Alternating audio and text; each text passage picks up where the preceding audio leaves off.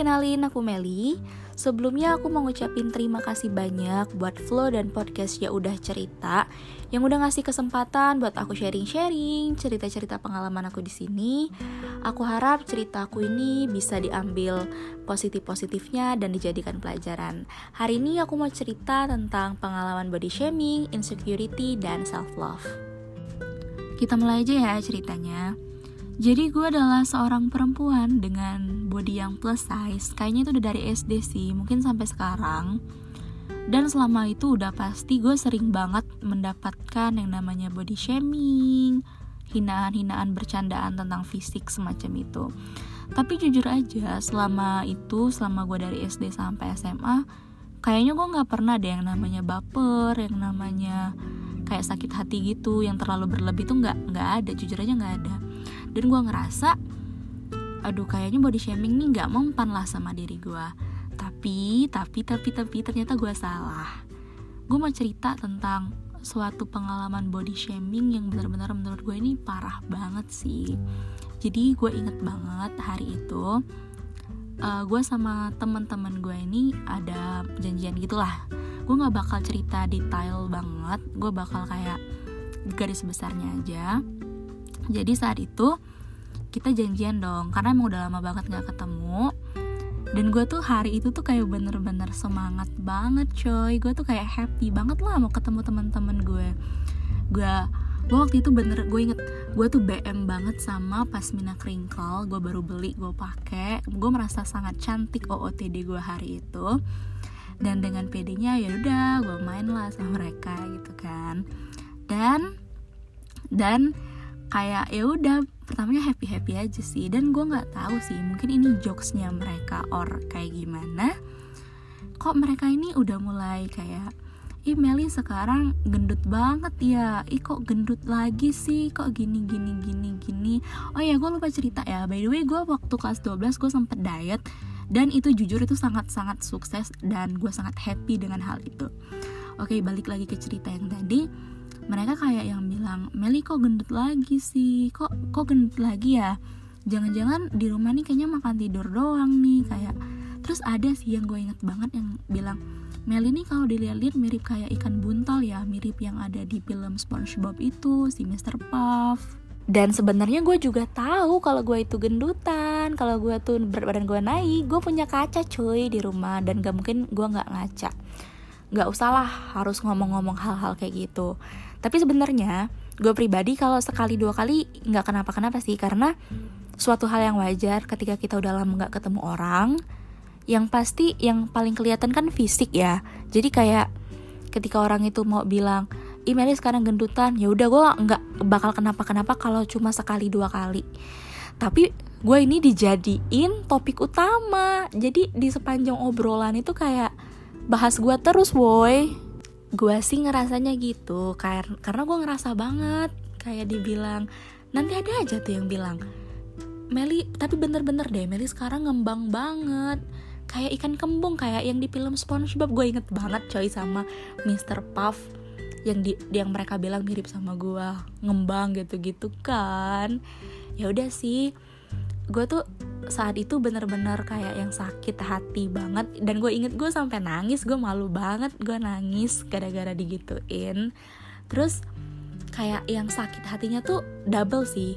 Gue gue jujur gue sakit hati karena emang di body shaming sama mereka temen-temen gue sendiri. Yang which is tahu kalau gue nggak suka di body shaming dan berapa kali kayak kita tuh cerita-cerita tentang ini gue nggak suka loh kalau di body shaming gini gini gini gini. Dan gue tuh sangat amat heran bisa-bisanya mereka melakukan hal itu kepada gue dan itu yang bikin gue bener-bener double banget sih kecewa gue yang pertama karena sakit hati di body shaming. Yang kedua karena mereka teman-teman gue sendiri.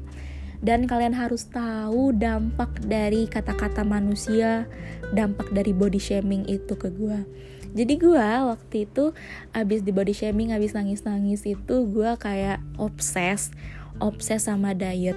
Jadi gue kayak mesti banget kurus gue diet gila-gilaan. Waktu itu almost 3 kilo dalam dua harian. Dan kayak menurut gue itu amat sangat gak sehat sih dan gak mungkin juga kali 3 kilo dalam dua hari. Jadi waktu itu pagi gue cuma makan telur siang gue tuh kayak nggak makan nasi cuma makan lauk doang e, malam sore sih gue nggak makan malam sore gue makan minum jus. Udah kayak dikit banget coy kalori yang gue makan. Tapi gue cardio dance dua kali dalam sehari. Yang otomatis ya kayak sumpah itu gue udah nggak mikirin lagi angka kecukupan gizi kali ya. Kayak udah bener-bener seobsesi itu mau kurus. Dan iya gue 3 kilo itu kayak dalam dua hari doang coy. Gila sih benar-benar parah banget dan itu benar-benar nggak sehat sih nggak patut banget buat ditiru. Itu karena bener-bener gue sesetres itu mikirin gue di body shaming kayak mati-matian gitu loh gue mau kurus cuy. Dan sebenarnya ada efek yang lebih parah lagi. Gue sekarang kalau ketemu orang-orang yang udah lama banget nggak gue ketemuin kayak teman-teman lama gue gue itu kayak sering kayak cemas gitu loh kayak panik. Aduh gue nggak mau nih ketemu mereka takut kayak muncul rasa ketakutan ketakutan yang sebenarnya belum tentu terjadi. Karena itu efek dari kejadian yang kemarin yang gue alamin. Sumpah dan itu bener-bener ganggu banget. Oh iya satu lagi, gue kan gue cerita ya tadi gue tuh kayak bener-bener excited banget lah ketemu teman-teman gue yang kayak gue milih-milih OTD gitu. Sumpah kan harus tahu, pokoknya outfit yang gue pakai hari itu gue bener-bener sama sekali nggak mau ngelihat mereka lagi. Gue nggak mau ngelihat itu baju, ngelihat itu jilbab, ngelihat itu celana. Karena gue sebenci apa ya?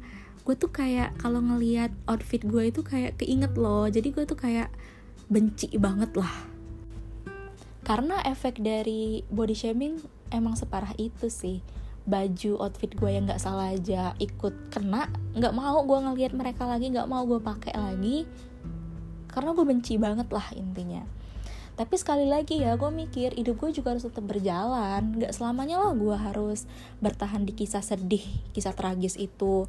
Terus juga gue nggak mau ngebiarin efek dari body shaming itu mempengaruhi gue terlalu jauh. Padahal ya emang gue ngerti sih rasanya itu benar-benar nggak enak banget. By the way gue juga mau cerita sih dari kisah tragis bullying gue ini eh bullying body shaming gue ini. Gue akhirnya kayak mendapatkan beberapa pelajaran hidup yang kayaknya nggak bakal gue dapet kalau gue tidak mengalami kejadian ini. Jadi kayak yang pertama mungkin gue nggak sadar ya. Dulu gue nggak sadar sih kalau gue melakukan hal ini.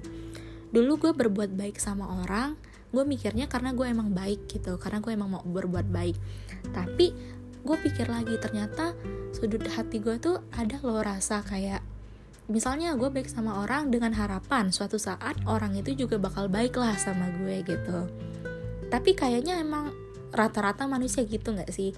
Misalnya orang itu ada salah sama dia pasti bilangnya gini nggak inget ya dia dulu gue gini gini gini. Dan menurut gue itu tuh salah banget salah salah banget ketika gue ngalamin hal ini. Karena gue nggak pernah ngerasa ada salah sama mereka gue nggak pernah sedikit pun ngata-ngatain fisik mereka bahkan gue ingat dulu salah satu dari mereka itu sering ngeluh insecure cerita sama gue gitu. Gue bilang ya udah nggak kamu tuh nggak gini gini. Ya udahlah intinya gue nasehatin dan sebagainya itu. Tapi mungkin kebaikan gue nggak cukup atau mereka emang lupa. Dan salahnya gue gue selalu berekspektasi kalau gue baik mereka kan baik juga. Ternyata enggak.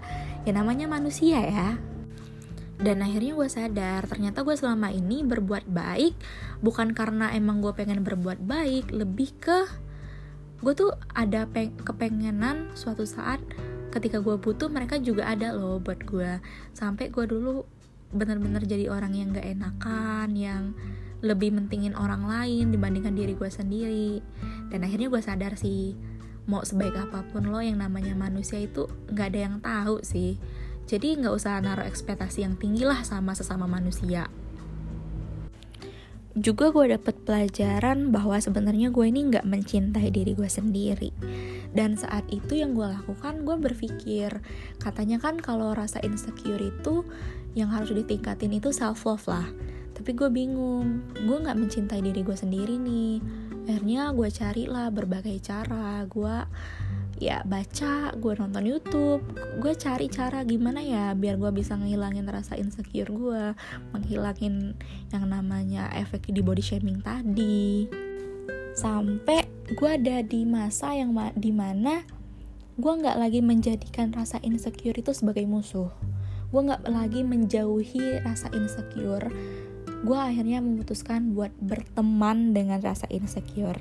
Gue sekarang sama rasa insecure itu udah kayak bertaut lah udah bestie banget. Bagi gue ya ketika gue udah bisa berteman sama rasa insecure-nya gue ini akhirnya gue paham kenapa gue insecure apa sih yang gue insecurein. Jadi gue bisa loh ngelola apa itu insecure di diri gue ini. Dan akhirnya rasa insecure ini tuh nggak bakal ngebunuh gue Sebaliknya, ketika gue udah bisa berteman sama rasa insecure, ketika gue udah bisa ngelola rasa insecure itu, malah rasa insecure ini bakal memancing kita buat melakukan self improvement. Gue tahu, akhirnya gue tahu nih, gue kurangnya di mana, kok gue bisa insecure, apa sih penyebab gue insecure. Jadi, diri gue itu bakal selalu melakukan yang namanya apa ya? Perbaikan-perbaikan sehingga menciptakan the best version of me kayak gitu. Dan akhirnya dari kejadian ini gue berhasil menemukan gimana sih mengatasi rasa insecure ini versi gue ya. Ya versi gue tadi berteman bertemanlah dengan rasa insecure itu.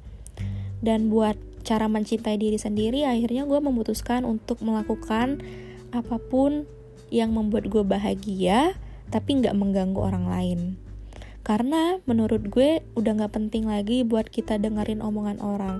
Karena bukan kewajiban kita lah untuk menyenangkan setiap orang. Dan setiap orang pun gak mungkin semuanya suka dengan apa yang kalian lakukan. Ingat kan cerita gue yang pernah kurus? Even gue sekurus itu pun ada yang ngehujat gue yang kayak bilang, ih Meli jelek banget kurus kayak orang penyakitan dan lain sebagainya. Gue gendut juga salah kurus juga salah.